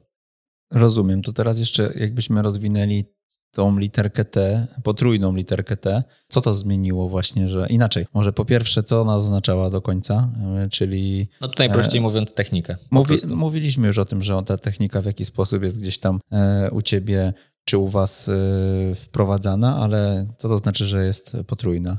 Czyli trzy razy musimy albo powinniśmy przynajmniej w idealnym scenariuszu zbodźcować naszych zawodników, czyli zacząć trening właśnie od pracy nad jakąś formą techniczną, to, co sobie założymy, na przykład przyjęcie i podanie, zrobić środek treningowy, który jest oparty na tych właśnie, na tej umiejętności. Później, e, tak jak wspomniałem, zgodnie z modelem GOAT, jeśli mamy 18 zawodników, to co już wspominałem, dzielimy ich na trzy grupy. Dwie pracują na przykład nad otwarciem, e, czyli jedna jest tą nauczaną, druga jest tworzącą środowisko, a trzecia zamiast odpoczywać po prostu pracuje nad jakąś umiejętnością techniczno-taktyczną. Co 10 minut w idealnym środowisku lub dłużej zamieniają się. E, na przykład ci, co pracowali nad techniką, będą teraz otwierać grę, ci, co otwierali, będą presować, ci, co presowali, pracują nad techniką. Każdy musi dotknąć tych trzech rzeczy. Przechodzimy do kolejnego etapu treningu, czyli tym razem środowisko oparte na obronie wysokiej, Czyli znowu ktoś otwiera, ktoś presuje, ktoś pracuje nad kolejną umiejętnością techniczną. Czyli już łącznie mamy trzy razy dotkniętą e, technikę. No i mm, ostatnim etapem jest oczywiście ta gra końcowa, kiedy chcemy, żeby nasi zawodnicy to wszystko podsumowali no, w takiej grze możliwie jak najbardziej realnej. To jeszcze zapytam Cię wcześniej, jak to wyglądało, bo e, teraz e, po prostu te grupy są, nie wiem, węższe, tak? E, podzielone na, na mniej osób. Wtedy było, nie wiem, 9 na 9, więcej tej gry, czy, czy jak to wyglądało? Wcześniej wyglądało to tak, że zaczynaliśmy każdy trening, tak jak przed chwilą powiedziałem, od umiejętności technicznych. Mhm. Poświęcaliśmy 20-25 minut, żeby poprawić ten aspekt. Później przechodziliśmy do gry z atakowania, później do gry z obrony, ewentualnie odwrotnie, bo tu nie ma zależności. Tak, i tu zależy od kategorii. Jeśli mamy na przykład kategorię Żak i Orlik, gdzie te dzielenie na dwie grupy jest proste, bo po prostu tych zawodników jest mało i tych, ta złożoność też jest mniejsza, no to na przykład jedna grupa pracowała nad obroną, a druga grupa pracowała nad atakiem i po prostu po jakimś czasie się wymienialiśmy. Tutaj oczywiście podstawą jest to, że jest dwóch trenerów na treningu i każdy miał jedną z tych gier i kończyliśmy to grą e, jedną lub dwie gry jednocześnie końcowe w młodziku ta sprawa była na pewno cięższa. Tutaj musieliśmy jakieś dawać zadania dodatkowe, bo jeśli mamy 18 zawodników, a gramy grę 7 na 7, no to ciężko jakoś zagospodarować tą dwójkę w obrębie gry, albo ciężko coś im stworzyć nowego, więc tutaj zawsze były jakieś zadania dodatkowe. Na zasadzie 1 na 1, jakiś passing, jakieś gra na utrzymanie. No tutaj inwencja twórcza po prostu trenerska była. Teraz mamy to myślę, że bardziej ustrukturyzowane. To mm, powiedz jeszcze, czy zauważasz różnicę nie wiem, w odbiorze zawodników, e, że dzisiaj więcej muszą gdzieś na tą stację, nazwijmy to, e, boczną podejść i, i, gdzieś tam e, zejść z boiska, w którym jest rywalizacja jednak w grze? Czy to jest dla nich bardziej frustrujące, czy może niekoniecznie w ogóle nie zwracają na to uwagi? Wydaje mi się, że nie zwracają uwagi. Przynajmniej ja nie zauważyłem tego, ale też muszę tutaj podkreślić, że mm, to, o czym mówimy, funkcjonuje dopiero od miesiąca u nas, mhm. Mm, bo gdzieś ten okres końca roku był dla nas taki kluczowy, gdzie w grudniu podjęliśmy wiele rozmów mm, z różnymi y, ludźmi właśnie w naszej akademii, z różną grupą i usiadłem do tego, korzystając właśnie z luźniejszego okresu grudnia i rozpisałem to wszystko. Pracuję nad tym od początku roku, no i to, co dostrzegam, że zawodnicy mocniej podchodzą do treningu, czyli jeśli gra trwa powiedzmy 10 minut kiedy są w otwarciu, to oni wiedzą, mając świadomość, że będą tylko 10 minut w tym otwarciu, dając siebie wszystko i nie tracą ani jednej sekundy, czyli szybciej się organizują, szybciej zbierają sprzęt, szybciej wszystko e, funkcjonuje na tym treningu, co przekłada się na intensywność i myślę, że ta intensywność jest najwyższa od kiedy ja prowadzę treningi, czyli teraz faktycznie ten, na tym treningu w cudzysłowie się pali, natomiast no my na, jako trenerzy musimy też e, bodźcować zawodników na samym początku, ale później to już samo płynie i to sprawdziłem zarówno w kategorii młodzik, jak i w orliku, a w żaku, jako że są jeszcze mniejsi, no to myślę, że już w ogóle nie będzie z tym problemu. Przypadkiem na ten model wpadłem nie mając infrastruktury na boisku. Czyli w jeden dzień w tygodniu miałem trening z grupą 2.14, na który, na który przechodziło około 16 zawodników, a miałem tylko ćwiartkę boiska i myślałem, co tutaj zrobić. Podzieliłem ich na trzy grupy, było nas dwóch dwie grupy grały, a trzecia właśnie robiła coś technicznie. No i jak rozmawialiśmy o tym w grudniu, no to przypomniał mi się ten scenariusz treningu, który wyniknął po prostu z sytuacji tego braku boiska, bo mamy tylko jedno boisko ze sztuczną nawierzchnią. E, no i okazało się, że to jest idealny chyba scenariusz na nasz trening, niezależnie od tego, ile tej infrastruktury będziemy mieli. Padło to już dzisiaj kilka razy. E, powoływaliśmy się na to, e, co stworzyłeś pół roku temu. E, e-booki, 50 realnych gier dla żaków, dla orlików i dla e, młodzików, razem 150 e, realnych gier. Myślę, że trzeba zaznaczyć Wiem, że e, nasi słuchacze słuchają e, podcastu często w różnych okresach i e, w różnych nawet latach, bo te treści są bardzo często ponadczasowe. Natomiast mamy połowę lutego 2024 roku i od końcówki stycznia do końca lutego trwa okienko sprzedażowe właśnie tych Twoich treści. Chodzi nam też o to, żebyśmy mieli świeży napływ co pół roku przed każdą rundą ludzi do tego, żeby dołączali też do forum dyskusyjnego, bo, bo osoby, które zakupują każdego e-booka dołączają do naszego forum, gdzie dyskutujemy o, e, o tym, jak gry sprawdzają się w praktyce, w treningu. E, będzie też sesja pytań z Tobą, jest tam opcja też jakiejś interakcji, porozmawiania właśnie na ten temat. Też fajnie to, to wygląda, prawda? Tam niektóre, niektóre komentarze i zwrócenie uwagi na pewne aspekty myślę, że bardzo wartościowo uzupełniają ten kontekst, ale zapytam Ciebie, co trenerzy w Twoich e-bookach mogą znaleźć? Na pewno i przede wszystkim inspirację. Czyli to nie jest taki gotowy zestaw gier, choć na pierwszy rzut Chociaż oka, jest trochę gotowy. Fak, faktycznie, jakby ktoś chciał kopiować, to, to może. Natomiast no, dla mnie to jest przede wszystkim inspiracja dla trenerów. Ja to tworzyłem na bazie swoich doświadczeń, swojej praktyki, ale niekoniecznie to się przełoży na to, że u innego trenera to wypali, więc zawsze podkreślam, tworząc właśnie środek tygodnia u Was, czy właśnie te e-booki, że trener powinien podejść do tego na zasadzie inspiracji i może modyfikować pod swoją modłę, natomiast fajnie jakby kupując tego e-booka, wykorzystał ileś z tych gier i dzięki temu po prostu jego treningi były lepsze. A to, co może w nich znaleźć, no to przede wszystkim kody QR z nagraniami tych gier z drona. Czyli to nie jest tak, że to tylko papier przyjął, ale też e, zweryfikowałem każdą grę na boisku. Trochę to trwało, natomiast myślę, że wygląda to dość dobrze. Po takim zeskanowaniu ci, którzy nie zrozumieją tego z ilustracji, z grafiki tworzonej na ProTrainAppie, ci, którzy nie skorzystają mm, z opisu, mogą po prostu zobaczyć e, grę, gdzie jest też e, obrysowana. W formie dynamicznej. Tak, w formie dynamicznej jest obrysowana, żeby też wszyscy dostrzegli, e, jakie jest pole, gdzie są jakieś strefy, no bo też wiadomo, że z lotu drona nie zawsze widać te stożki, które są na boisku, więc y, tutaj pomogliśmy sobie LifeTagiem Pro, także też mała reklama dla pana Zrzałka. No i dodatkowo mamy grafikę, opisy, modyfikacje, informacje dodatkowe, cele, które chcemy spełnić w, danym, danym, w danej grze. No i są to e-booki podzielone na kilka rozdziałów. E, mamy rozdziałów sześć w każdym e-booku, prawda? Tak. E, zaczynamy każdy e-book od gier 1 na 1. No i tutaj w zależności od tego, jaka to kategoria wiekowa, no to różni się ilość tych, tych gier. I tutaj starałem się też podejść do tego w ten sposób, żeby te gry się nie powielały, czyli tutaj to nie jest też tak, że ktoś kupi e-booka mm, na przykład dla kategorii żak i w młodziku będzie to samo, tylko na przykład będzie ich więcej zawodników. To raczej starałem się zrobić trochę w inny sposób, e, żeby to było faktycznie 150 gier, a nie 50, ale trzy razy odgrzewanych. Także ale tutaj... dedykowanych oczywiście każdej kategorii, prawda? Tak. Wracając. Pierwszy rozdział 1 na 1, drugi rozdział otwarcie plus budowanie gry, czyli to, co robimy na naszej połowie w atakowaniu. Trzeci rozdział budowanie plus finalizacja, czyli to, co robimy na połowie przeciwnika w atakowaniu. Obrona niska, kolejny obrona wysoka i na samym koniec gry końcowe. Czyli w każdej kategorii wiekowej to będzie albo 5 na 5, albo 7 na 7, albo 9 na 9 z jakimiś dodatkowymi zasadami, które też mogą bodźcować e, zasady, o których gdzieś tam cały czas mówimy, czyli na przykład mobilności w atakowaniu albo w bronieniu koncentracji.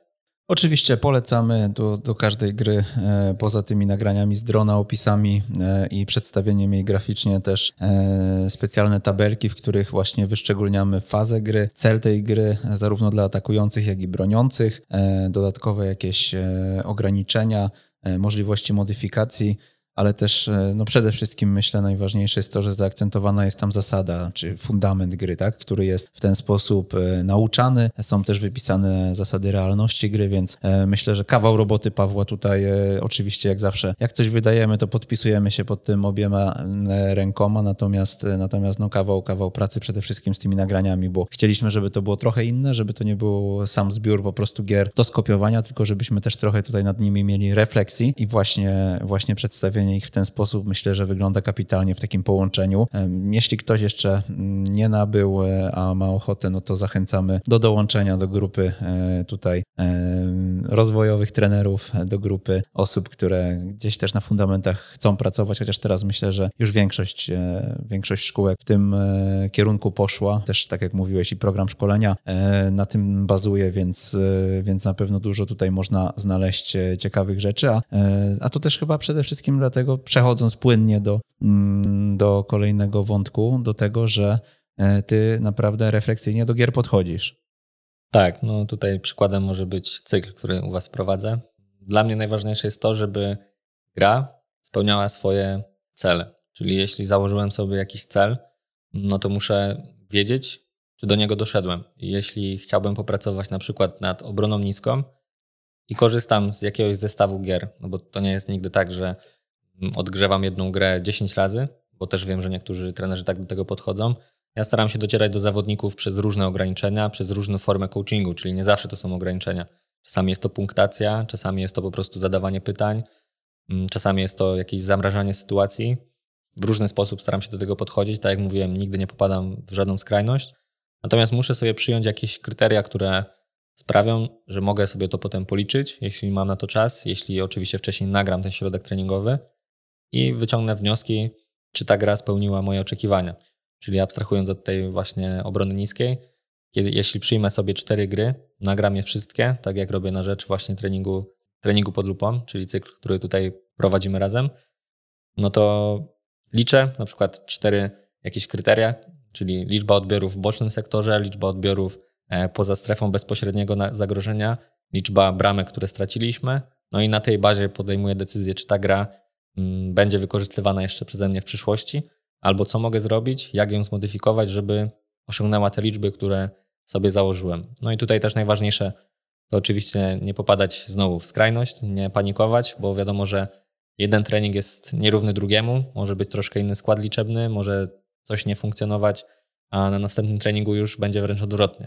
Natomiast myślę, że globalnie te kryteria, które sobie przyjmiemy, sprawią, że policzone mogą nam powiedzieć bardzo dużo o, o skuteczności tej gry, a myślę, że w tym deficycie czasu, w którym pracujemy, czyli no mamy trzy razy po 90 minut jednostkę treningową, no to nie możemy sobie pozwolić na marnowanie czasu. Więc staram się wykorzystywać te gry, które są po prostu najbardziej skuteczne.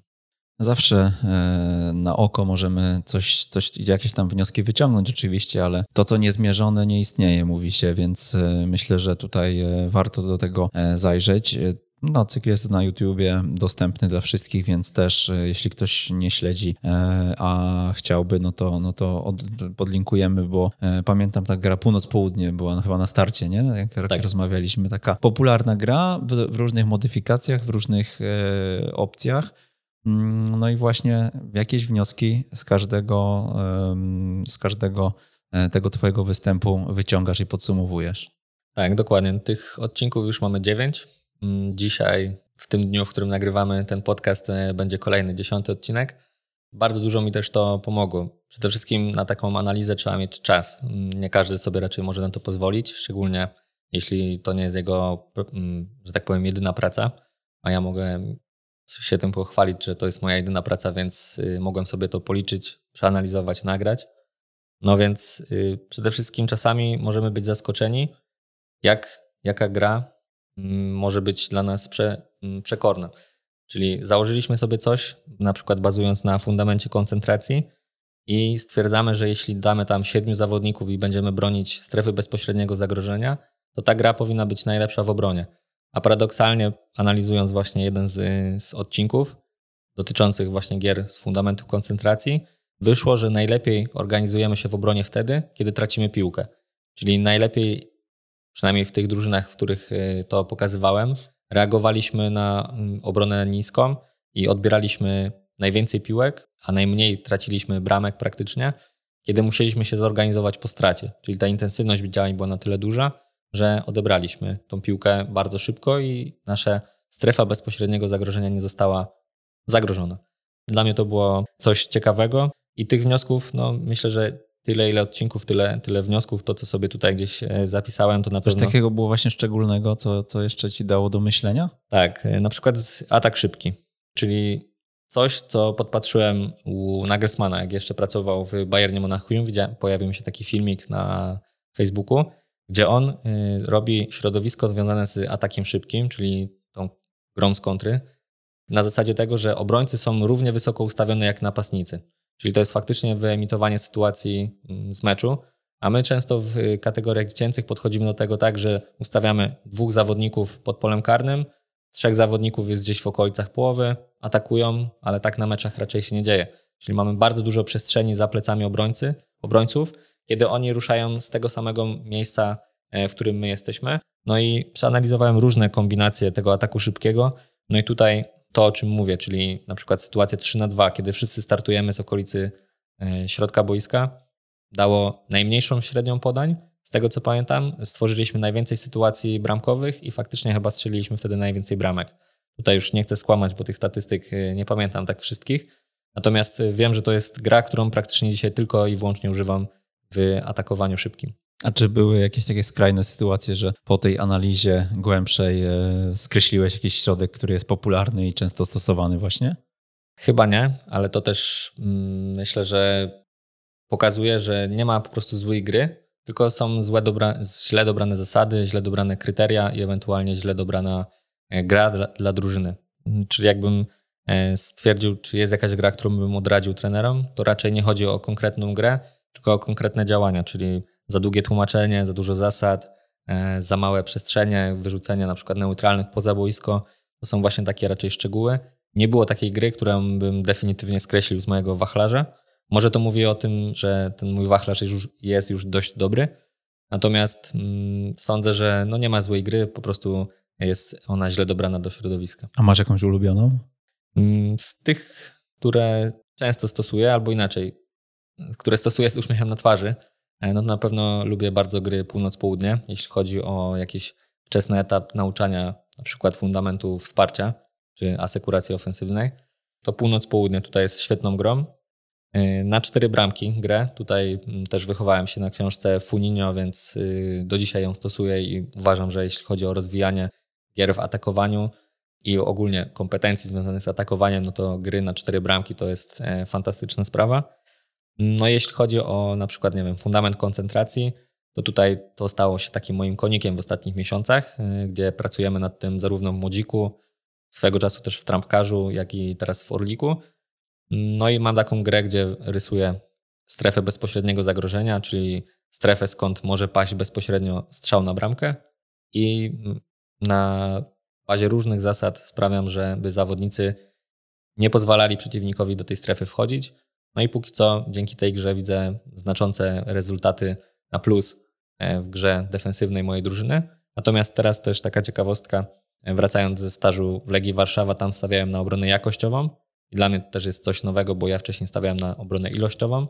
No i teraz w Orliku będziemy testować, jak to wypadnie, jeśli chodzi o bronienie jakościowe, czyli chcemy się obronić jakością naszych zawodników, jakością gry defensywnej, a nie ilością tych zawodników, co później wpływa też bezpośrednio na to, jak odbierzemy piłkę, że mamy więcej zawodników zaangażowanych w atak. Także to jest coś, co muszę ulepszyć, jeśli chodzi o moją grę. Czyli ciągłe inspiracje, poszukiwanie i ciągłe korekty.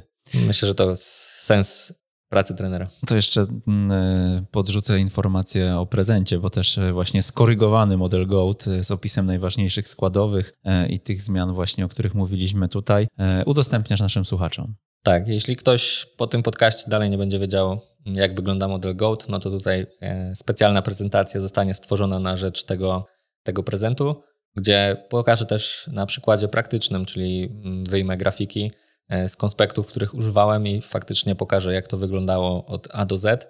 E, jeśli ktoś będzie się tym inspirował, no to dla mnie to jest e, fantastyczna sprawa. Już do, docierają do mnie gdzieś tam pierwsze sygnały, że niektórzy trenerzy stwierdzili, że ten model GOAT to jest to, co chcą robić w pracy z dziećmi. Może będą też chcieli korzystać z tego ulepszonego modelu. No to e, oczywiście też zapraszamy ich do dyskusji na tym naszym forum, bo takie osoby są tam najbardziej chyba mile widziane, bo może wniosą coś znowu, e, żeby, e, żeby dalej to usprawniać. ekstratrener.pl kośnik newsletter. Jeśli ktoś nie otrzymuje od nas na bieżąco mailingu wtorkowego, to właśnie w tych mailach zawieramy też prezenty i w newsletterze 442 możecie, możecie właśnie te kolejne treści od naszych gości pobierać, a jeśli, tak jak powiedziałem, ktoś jeszcze na tej liście nie jest, to dopiszcie się pod wskazanym przeze mnie mnie linkiem. Czy ty, Paweł, czujesz się dzisiaj specjalistą od, no właśnie, od pracy z dziećmi, czy bardziej od zarządzania akademią, czy jaki kierunek jest tobie najbliższy? Myślę, że dochodzę do takiego rozdroża, gdzie będę musiał podjąć decyzję, w którym kierunku się rozwijać. Póki co, dzięki uprzejmości zarządowi w rozwoju Katowice, mogę realizować się dwutorowo Czyli zarówno być trenerem, praktykiem, czyli być na boisku, prowadzić swoją drużynę jako pierwszy trener, ale też być koordynatorem i zarządzać procesem edukacji, wiem, organizacją turniejów, jakichś obozów, półkolonii, czyli wszystkiego związanego e, z aspektami organizacyjnymi. W jednej i drugiej rzeczy czuję się bardzo dobrze, natomiast pytanie, jak długo będę mógł e, godzić te obowiązki. Tu na pewno mm, na plus wpływa to, że właśnie mogę być tym specjalistą dzieci. Nie wiem, czy mogę się tak faktycznie nazwać, no bo nie ma żadnych certyfikatów potwierdzających tego. Natomiast y, po 10 latach, no myślę, że mm, bardzo dużo już przepracowałem godzin e, w kategoriach żak, orlik i, i młodzik. E, no i myślę, że mogę się tak nazywać chyba. Na pewno bardzo dobrze się w tym czuję, a chyba o to w tym wszystkim chodzi. Myślę, że zawodnicy, z którymi pracuję, się rozwijają, a to jest chyba najlepsze potwierdzenie. Muszę troszkę jeszcze lat poczekać, żeby pierwsi zawodnicy, z którymi współpracowałem, e, doszli na, na poziom centralny, jeśli będzie im to dane, oczywiście. E, I to będzie, będzie chyba najlepsze potwierdzenie tego, czy cegiełka, którą włożyłem w ich szkolenie, będzie odpowiednio duża. A tutaj taka specyfika pracy w naszej akademii mówi o tym, że my pracujemy z dziećmi dość długo, jak na standard takich akademii, czyli nie zmieniamy się na przykład co dwa lata, czyli nie ma specjalistów tylko od kategorii Orlik. Tutaj bardziej stawiamy na, na dłuższy okres współpracy. Rocznik 2010, o ile dobrze liczę, prowadziłem 6 lat i teraz 2014 już prowadzę trzeci rok. Także troszkę później oddajemy te drużyny, ale dostrzegamy też dużo plusów wynikających z tego. A powiedz, y, Twoim zdaniem potrzeba nam właśnie specjalistów, bo nie ciągniecie do piłki 11-osobowej chyba. Myślę, że tak, że potrzebujemy, ale chyba tutaj musi wyjść to bardziej od, y, od góry, czyli od, e, od PZPN-u, no bo faktycznie nie ma za dużo kursów, które, czy szkoleń, które właśnie rozwijają nasze kompetencje w tym aspekcie, a takie kursy, które są, czyli ten UFAC, Grassroot C, no to jest bardzo krótki. Myślę, że jest za krótki, żeby mówić o tym, że ktoś jest przygotowany do pracy z dziećmi, a myślę, że praca z dziećmi jest naj, tą najbardziej wymagającą, ponieważ my musimy zaszczepić tą miłość. Dzieci tam nie przychodzą po to, żeby osiągnąć karierę czy dostać swoją wypłatę, tylko po to, żeby po prostu cieszyć się tą grą, więc to jest bardzo wymagające. Dzieci są też bardzo skrajne i nie chcą się podporządkować zasadom, przynajmniej nie wszyscy, tak jak to funkcjonuje na przykład w piłce 11-osobowej lub seniorskiej. Także Sądzę, że jest troszkę za mało trenerów specjalistów i sądzę, że ta praca z dziećmi jest też niedoceniana, czy pod kątem finansowym, jak i pod kątem właśnie takiego, nie wiem, prestiżu.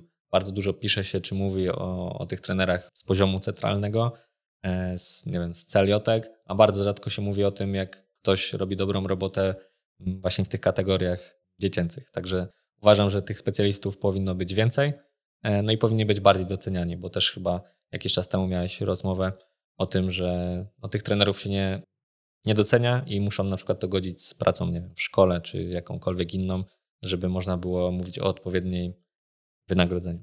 A powiedz a propos edukacji, ty też chyba idziesz w kierunku takim, żeby e, edukować innych. Tak, ostatnimi czasy złapałem takiego bakcyla związanego z dzieleniem się wiedzą. Jak zostałem koordynatorem 3,5 roku temu, o ile dobrze pamiętam, no pierwszą z rzeczy, którą sobie postawiłem jako, jako takie primo, no to było edukacja innych trenerów. Czyli stworzenie im środowiska, w którym oni będą mogli się rozwijać. Czyli stworzyliśmy sobie na przykład folder, gdzie, gdzie każdy wrzucał swoje nie wiem, środki treningowe na dysku, ale też jakieś szkolenia, prezentacje, e-booki, które kupował. Czyli chcieliśmy się wzajemnie edukować, spotykaliśmy się online raz w miesiącu, jeździliśmy do dzisiaj razem na kursy, więc to jest dla mnie najważniejsze. No i łapiąc to doświadczenie z, tych, z tymi trenerami, których miałem pod sobą, czyli to jest około 10 trenerów, mm, okazało się, że jak założyłem swój fanpage, żeby się dzielić tym z innymi, e, że to, co mam do powiedzenia, też interesuje innych trenerów. No i co jakiś czas e, mam okazję być prelegentem na konferencjach, czy to online, czy coraz częściej stacjonarnie. Czuję się w tym dobrze. Mm, zainteresowanie też jest na tyle duże, że chyba mówię z sensem na tych szkoleniach, także e, na pewno chciałbym iść w tym kierunku. Póki co jeszcze nie udało się zostać trenerem, edukatorem, ale na pewno jest to jeden z moich celów na, na mojej piłkarskiej ścieżce. A powiedz, co jest e, w takim razie mm, Twoim zdaniem takim wykładnikiem tego, co jest e, w edukacji dobrego i skutecznego? Mm, na pewno troszkę węższa specjalizacja tych kursów czy szkoleń. Mm, bardzo często na tych konferencjach, na których mam zazwyczaj okazję brać udział jako uczestnik, mówi się o wielu tematach jednocześnie.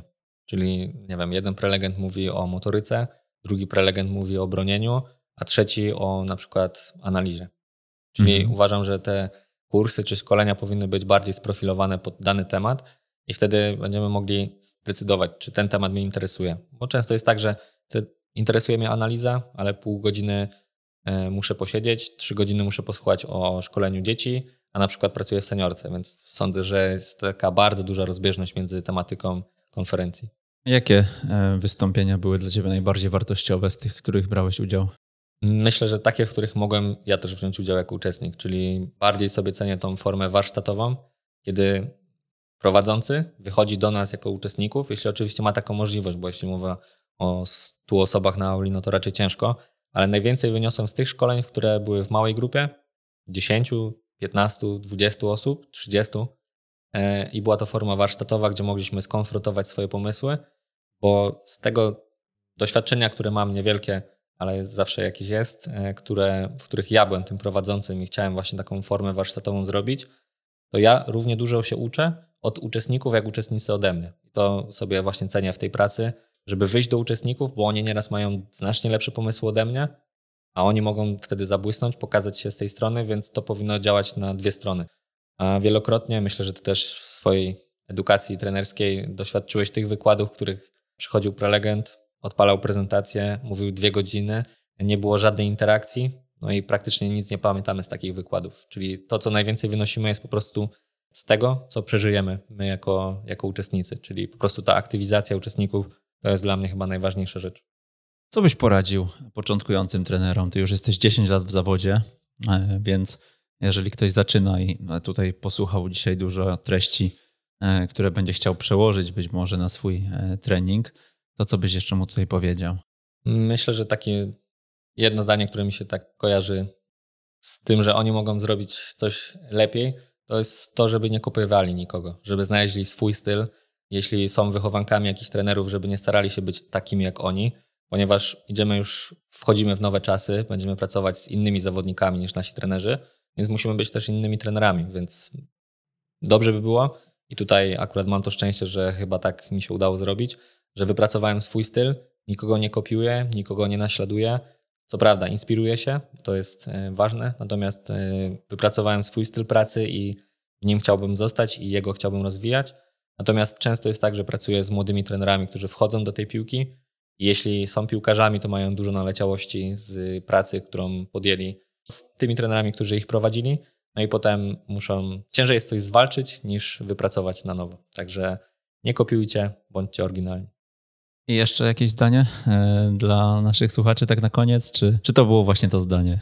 Mm, mogę jeszcze dodać, że skupcie się na tym, żeby trenować zawodnika, a nie drużynę. To jest myślę, że bardzo ważne w treningu dzieci. Paweł Kwiatkowski, koordynator Akademii Rozwoju Katowice, no i człowiek, z którym, tak jak sobie wymienialiśmy po drodze, to mi wyszło, że robimy sporo e, razem rzeczy. E, nawet, e, nawet dopiero w momencie, kiedy gdzieś tam przytaczaliśmy je e, po kolei, zdałem sobie z tego chyba trochę sprawę, e, ale, ale myślę, że rzeczy wartościowe, bo czy środki tygodnia na bieżąco u nas e, pojawiające się co drugą środę, czy cykl trening pod lupą raz w miesiącu, to są treści darmowe, które warto na pewno mm, sobie na swój e, warsztat przełożyć i, i, i nawet gdzieś e, pochylić się refleksyjnie nad tym wszystkim, bo tak jak mówię, no gdzieś tam to, to, mierzenie jest istotne i my często na to nie mamy czasu, a być może właśnie mała rzecz, którą poprawimy, jest w stanie dobrze wpłynąć na to, żeby, żeby proces treningowy był efektywniejszy. Tak mi zostało po tym dzisiejszym spotkaniu, chyba że brak planowania to planowanie porażki, takie zdanie, które gdzieś tam o tym planowaniu wspominałeś e, wielokrotnie, e, więc planujcie, budujcie to wszystko według jakiegoś pomysłu i e, ciągle optymalizujcie i poprawiajcie, bo, bo to jest, tak jak Paweł powiedział, chyba częścią życia trenera albo jego nawet e, najważniejszą częścią. No i oczywiście, jeśli ktoś e, słucha nas na bieżąco, no to zachęcamy do mm, dołączenia mm, i do e, zakupu e-booków Pawła na ekstratrener.pl kośnik sklepie. Wszystkie znajdziecie. Jeżeli to, co powiedział Paweł, jest Wam bliskie, no to na pewno nie będziecie rozczarowani. Z mojej strony to tyle. Dziękuję bardzo. To był 202 odcinek e, podcastu Jak uczyć futbolu. Ja również e, dziękuję bardzo. Do usłyszenia za dwa tygodnie. Jeżeli spodobał Ci się ten odcinek i wspólnie z nami chcesz podnosić poziom szkolenia w Polsce, o istnieniu podcastu Jak uczyć futbolu poinformuj jednego znajomego trenera, którego takie treści mogłyby rozwinąć. Z góry pięknie Ci za to dziękujemy i raz jeszcze do usłyszenia.